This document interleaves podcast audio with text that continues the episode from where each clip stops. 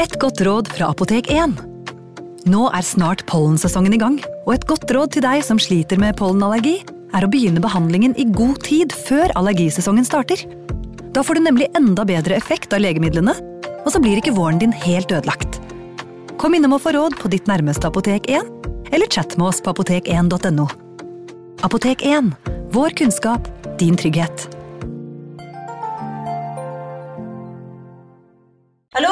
Jeg kommer fra Oslo politikammer.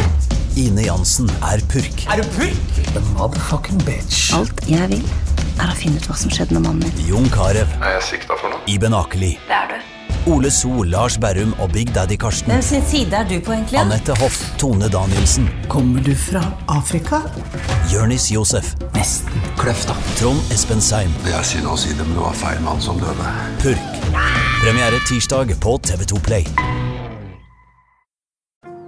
Ungsamtalen fra DNB er økonomisk veiledning tilpasset deg som er ung. Bokk en ungsamtale på dnb.no. slash ung. Det er kjempebra hvis du skal inn på boligmarkedet, hvis det er drømmen din, liksom. Det er det du skulle sagt. Og så kunne du ropt litt mer, da, sånn som jeg gjorde. Bam! Advarsel. Historiene vi forteller i denne podkasten kan være fiktive og avvike fra den opprinnelige historien av dramaturgiske årsaker. Meninger og påstander i historiene reflekterer nødvendigvis ikke programledernes meninger eller virkeligheten.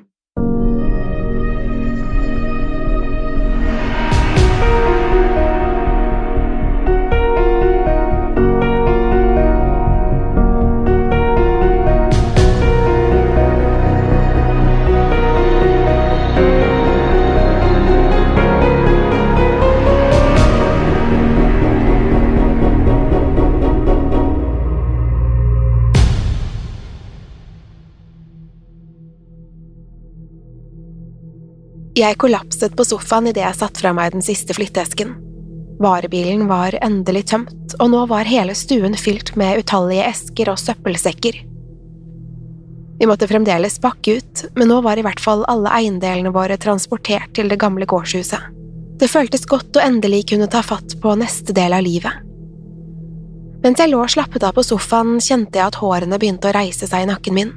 Jeg fikk en sterk følelse av at noen holdt øye med meg. Jeg vendte blikket mot kjellerdøren. Den ga fra seg en knirkelyd, men åpnet seg ikke helt. Jeg lukket øynene og prøvde å fortelle meg selv at det bare var innbilning. Det var ingen andre i huset, derfor kunne det heller ikke være noen som holdt øye med meg. Men jeg følte likevel en merkelig prikking, og jeg var sikker på at jeg så en vag skygge i øyekroken.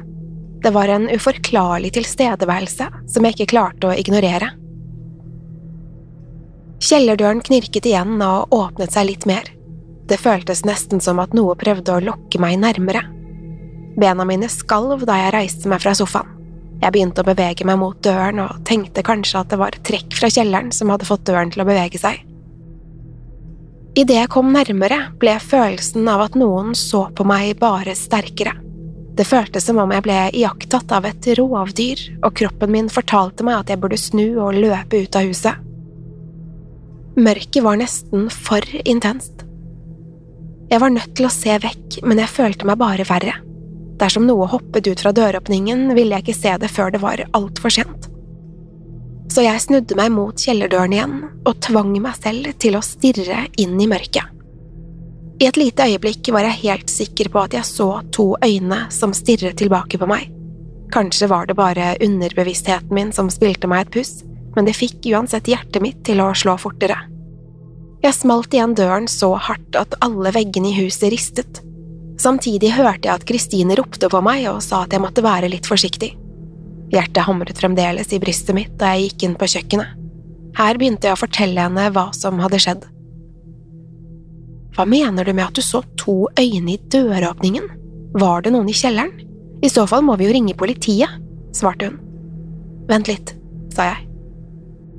Jeg visste fremdeles ikke om det var noe jeg faktisk hadde sett, eller om jeg bare var så sliten at jeg hadde begynt å hallusinere. Jeg trodde at jeg hadde sett noe, men jo mer jeg tenkte på det, jo mer absurd hørtes det ut. Jeg vet ikke helt hva jeg så, fortsatte jeg. Jeg kan finne en lommelykt og undersøke om det er noe i kjelleren. Nei, det kan være farlig, sa Kristine. Dørene var låst, så det kan ikke være et menneske der nede. Sannsynligvis var det ingenting, men jeg kan jo ta en titt for sikkerhets skyld. Er du sikker? spurte Kristine. Kanskje vi kan be politiet undersøke om det er noe der nede? Det tar over en time før de er her, vi bor ikke i byen lenger nå, svarte jeg. Det er uansett ikke mulig at noen har kommet seg inn i huset uten en nøkkel, jeg skal bare ta en rask titt der nede. Kristine var ikke overbevist, men gikk motvillig med på å la meg undersøke kjelleren. Hun fant riktignok frem telefonen og trykket inn 112. Dermed var hun klar til å ringe dersom det faktisk var noen der nede. Jeg fant en lommelykt i en av flytteeskene og åpnet kjellerdøren. Så tok jeg et dypt åndedrag før jeg begynte å gå ned trappen. Trappetrinnene var skrøpelige, og i lyset fra lommelykten så jeg millioner av støvpartikler som svevde rundt meg. Hver minste bevegelse fikk dem til å danse rundt i luften. Det eldgamle treverket knirket da jeg gikk nedover den skrøpelige trappen, og jo dypere ned jeg kom, jo sterkere ble også følelsen av at noen holdt øye med meg. Følelsen ble sterkere for hvert trinn, og snart var jeg grepet av en intens frykt.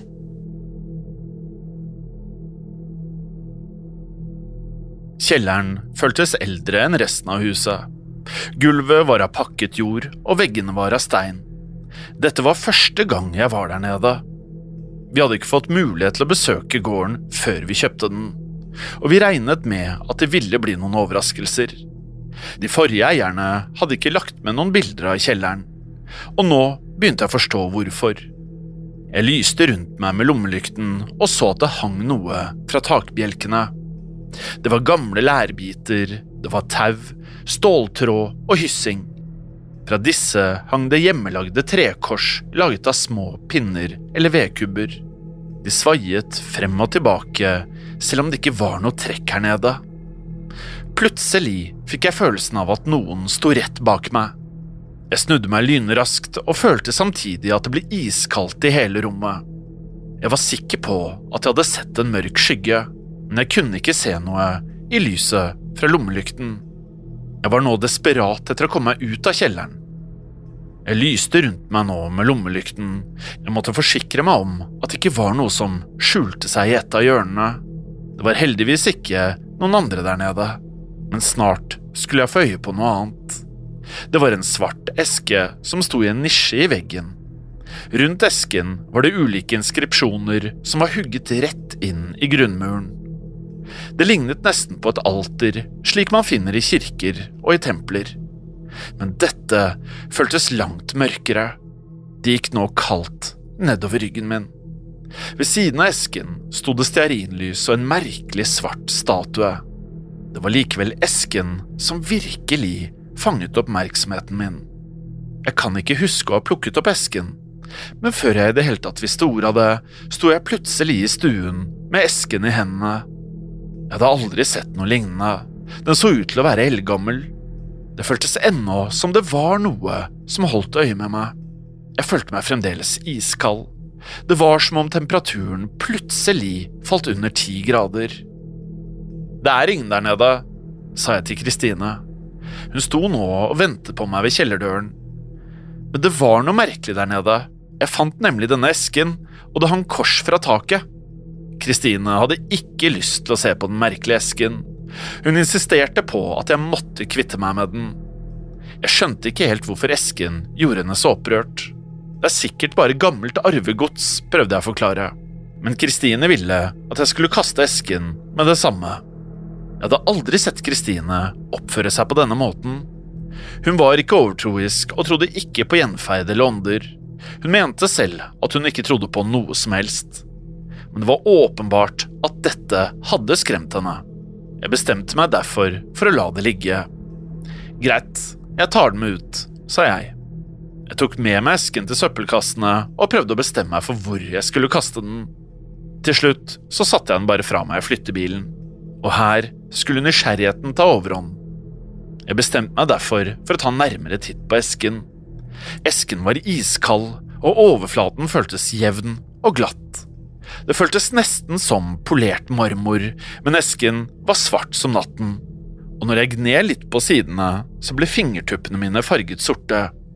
Samtidig innså jeg at det var symboler på esken, men jeg klarte ikke å tyde symbolene.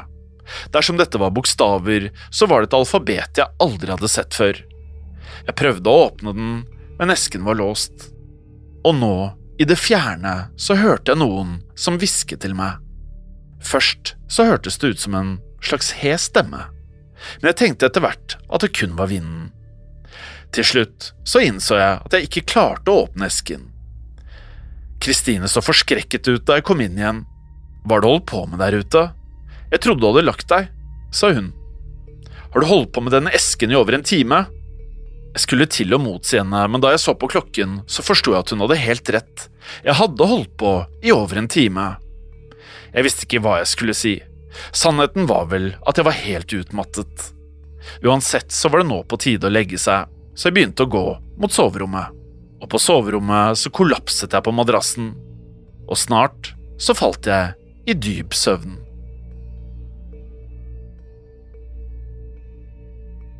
Den natten hadde jeg en underlig drøm. Det føltes som om noen spionerte på meg. Overalt var det øyne som spionerte fra skyggene. Da jeg våknet, var det fremdeles mørkt ute. Jeg prøvde å orientere meg i mørket, men jeg følte meg fremdeles ukomfortabel. Jeg så merkelige former og skygger jeg ikke klarte å tyde.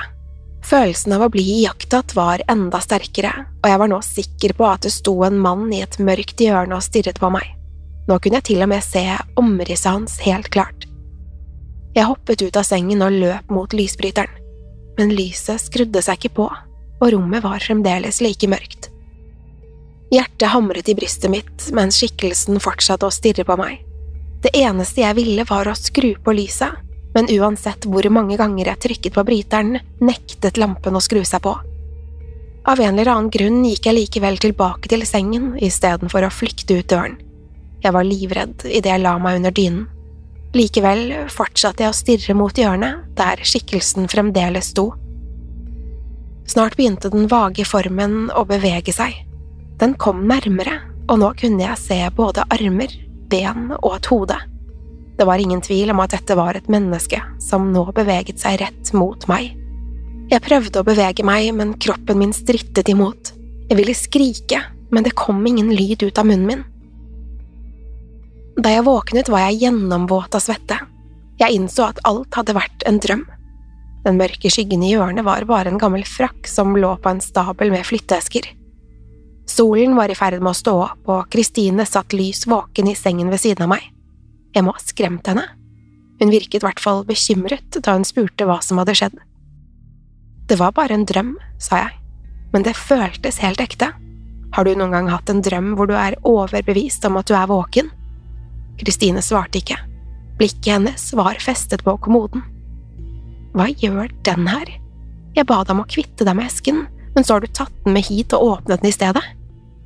Jeg snudde meg og fikk øye på den svarte esken fra kjelleren. Noen hadde åpnet den. Jeg lot den ligge i flyttebilen, forklarte jeg, og jeg åpnet den ikke heller. Jeg tror i hvert fall ikke at jeg åpnet den. Hva snakker du om? sa Kristine. Mener du at du ikke tok med deg esken til soverommet?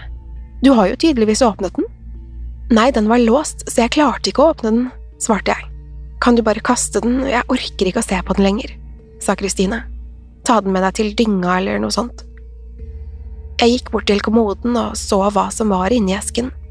Det var en hårlokk, et forbrent klesplagg, et kors og andre brente og forkullede gjenstander. Jeg kjente også en intens lukt, ulik noe jeg har kjent tidligere. Den fikk det til å svi i neseborene mine. Jeg skjønner ingenting. Jeg er helt sikker på at jeg lot den ligge i flyttebilen, sa jeg. Den er sikkert forhekset, sa Kristine. Bare ta den med deg, vær så snill. Jeg hadde aldri sett Kristine så opprørt. Jeg skjønte at det ikke var noe vits i å krangle med henne, så jeg kledde på meg og tok med esken til bilen. Planen var å finne nærmeste søppelfylling, men da jeg nærmet meg byen, fikk jeg en bedre idé. Jeg fikk øye på en butikk med flere gamle antikviteter i vinduet. Kanskje eieren var villig til å ta imot esken? Kanskje han også kunne fortelle meg hvor og når den kom fra? En liten bjelle ringte idet jeg gikk inn i butikken, og i neste øyeblikk kom det en mann ut fra bakrommet. Han holdt på å pusse en messinglysekrone. God morgen, sa han med en vennlig tone. Hvordan kan jeg hjelpe deg? Han sperret opp øynene da han fikk øye på esken. Lysekronen falt i gulvet, og det så ut som mannen begynte å skjelve. Hvor fant du den? Spurte han. Mannen pekte mot den svarte esken. Vi flyttet akkurat til et gårdshus noen kilometer nedover veien. Jeg fant esken da jeg utforsket kjelleren, forklarte jeg. Jeg beveget meg nærmere for å ta han i hånden, men så at fingertuppene mine var svarte. Mannen trakk seg unna og smalt inn i veggen bak seg. Et bilde falt ned fra veggen, og rammen knuste da det traff gulvet. Ikke rør meg, ropte mannen. Ikke rør noe her inne, bare kom deg ut. Dra til hjemmet ditt og sett tilbake esken der du fant den. Hvis du ikke gjør det, vil du aldri bli den samme igjen. Du burde aldri ha rørt den. Du burde aldri ha kommet hit. Jeg likte ikke den plutselige utblåsningen. Jeg rygget tilbake mens jeg prøvde å samle tankene. Det var en skremmende tanke at andre kjente til eskens mørke krefter. Jeg visste fremdeles ingenting om esken, men det var åpenbart at jeg ikke burde ha tatt den med meg. Plutselig skjønte jeg hvorfor huset hadde vært så billig. Det var vanskelig å selge et hjem med en forhekset kjeller. Mannen bak disken begynte å kaste ting mot meg. Han skrek på et språk jeg ikke forsto, før han nok en gang ba meg om å forlate butikken. Deretter hørtes det ut som han ba en liten bønn mens han tegnet et kors med hånden.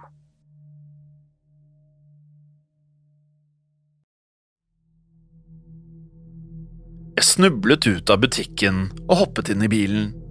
På tilbakeveien begynte jeg å angre på at vi i det hele tatt hadde flyttet hit.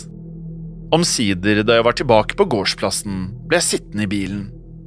Jeg visste fremdeles ikke hva jeg skulle si til Kristine.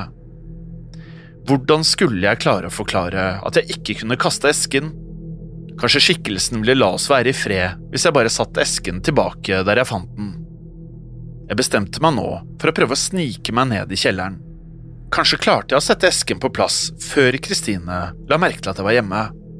Jeg håpet at dette ville være nok til å unngå at det skjedde noe forferdelig. Med esken i hendene snek jeg meg nå stille inn i huset. Jeg lukket døren forsiktig bak meg og kastet et blikk opp trappen. Jeg krysset fingrene for at Kristine fremdeles var på soverommet. Uten å lage en eneste lyd åpnet jeg kjellerdøren, og nå måtte jeg bevege meg ned i mørket. Jeg holdt esken foran meg, akkurat som om det var en bombe. Jeg var livredd for hva som ville skje dersom jeg mistet esken i gulvet. Det knirket høyt hver eneste gang jeg satte foten på et trappetrinn. Jeg kjente at hjertet slo raskere jo nærmere jeg kom bunnen av trappen. Da jeg omsider var nede i kjelleren, så var jeg omringet av skygger. Det svake lyset fra overetasjen var min eneste lyskilde. Jeg hadde mobiltelefonen i lommen, men jeg valgte å la den ligge. Planen var nemlig å kun være der nede i et par minutter. Jeg vandret nå gjennom mørket mot alteret. Snart fikk jeg igjen følelsen av at noe holdt øye med meg. Jeg innså nå at det hadde blitt værende i huset. Skikkelsen hadde vært alene sammen med Kristine. Plutselig hørte jeg nå et smell, før det ble helt mørkt i kjelleren. Jeg innså at det måtte ha vært kjellerdøren, og antok at Kristine hadde lukket den. Kanskje hadde hun ikke fått med seg at jeg var hjemme. Jeg lette nå gjennom lommen etter mobiltelefonen men nå, før jeg rakk å få tak i telefonen, var det noe som kastet seg over meg. Jeg hørte et umenneskelig og rasende skrik, deretter følte jeg skarpe klør som slo mot meg. I et desperat forsøk på å komme meg unna, så rullet jeg vekk og kastet fra meg esken, og idet jeg reiste meg igjen, så slo jeg hodet i et av korsene som hang fra taket. Panisk prøvde jeg å finne veien tilbake til trappen. Jeg ropte nå alt jeg kunne etter hjelp, men Kristine svarte ikke. I neste øyeblikk ble angrepet nok en gang. Skikkelsen var rask, men også spinkel og skrøpelig. Selv om den føltes rasende, var den betraktelig svakere enn meg. Jeg klarte til slutt å gripe tak i håndleddene og dyttet skikkelsen mot veggen så den mistet balansen. Deretter løp jeg opp trappen. Jeg snublet flere ganger og skrapte opp både knærne og leggene mine. Idet jeg var ved toppen av trappen, så angrep skikkelsen nok en gang. Den var som besatt, og skrek nå på et eldgammelt, uforståelig språk. De skarpe klørne skjøt mot meg igjen, Og denne gangen traff de meg rett i øyet. Døren var like bak meg, og jeg klarte å åpne den. Samtidig klarte jeg å sparke skikkelsen ned trappen. I lyset fra døråpningen så jeg hva som hadde angrepet meg. Det var Kristine som lå i bunnen av trappen. Hodet hennes hadde truffet steinveggen på vei ned. Hun lå nå helt urørlig på det støvete jordgulvet.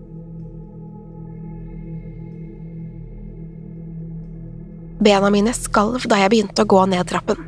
Jeg håpet at øynene mine bedro meg, men jeg var aldri i tvil. Det var Kristine som lå der nede. Det som rømte fra esken, hadde blitt værende i huset. Det hadde tatt kontroll over Kristine og lurt henne ned i mørket. Mens jeg sto der og så på Kristine, begynte kroppen hennes å bevege seg. Fingrene trommet mot gulvet, armene ristet og hodet begynte å vugge opp og ned. Jeg hørte hvordan det smalt hver gang pannen hennes slo mot gulvet. Kristine, ropte jeg ned trappen. Stopp, vær så snill!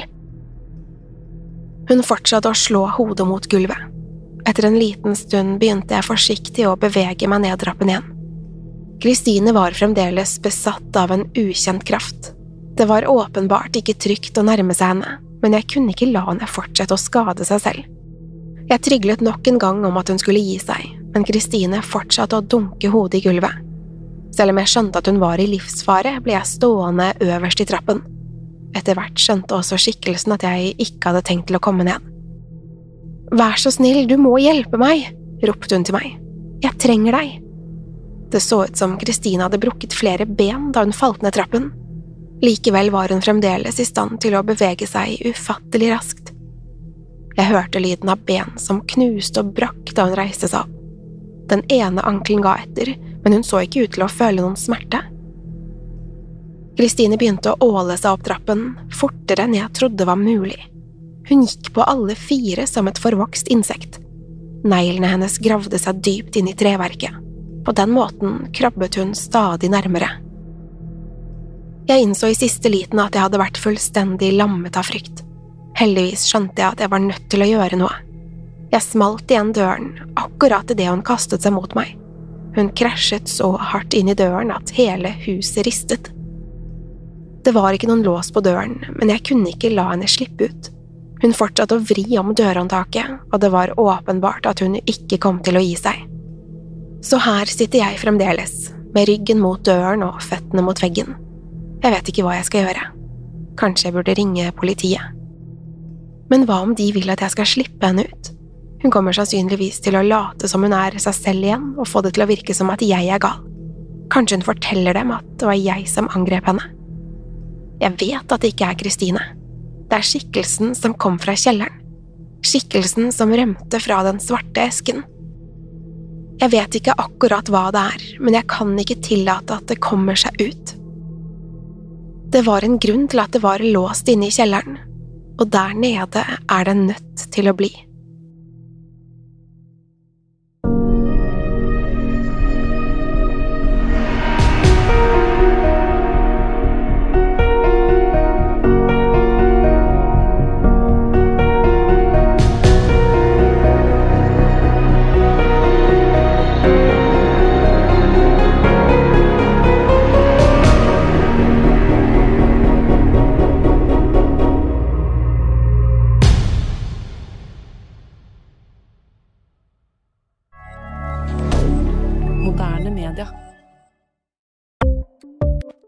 Ukens annonsør er Folio, en smartere banktjeneste for deg som har en egen bedrift eller ønsker å starte for deg selv.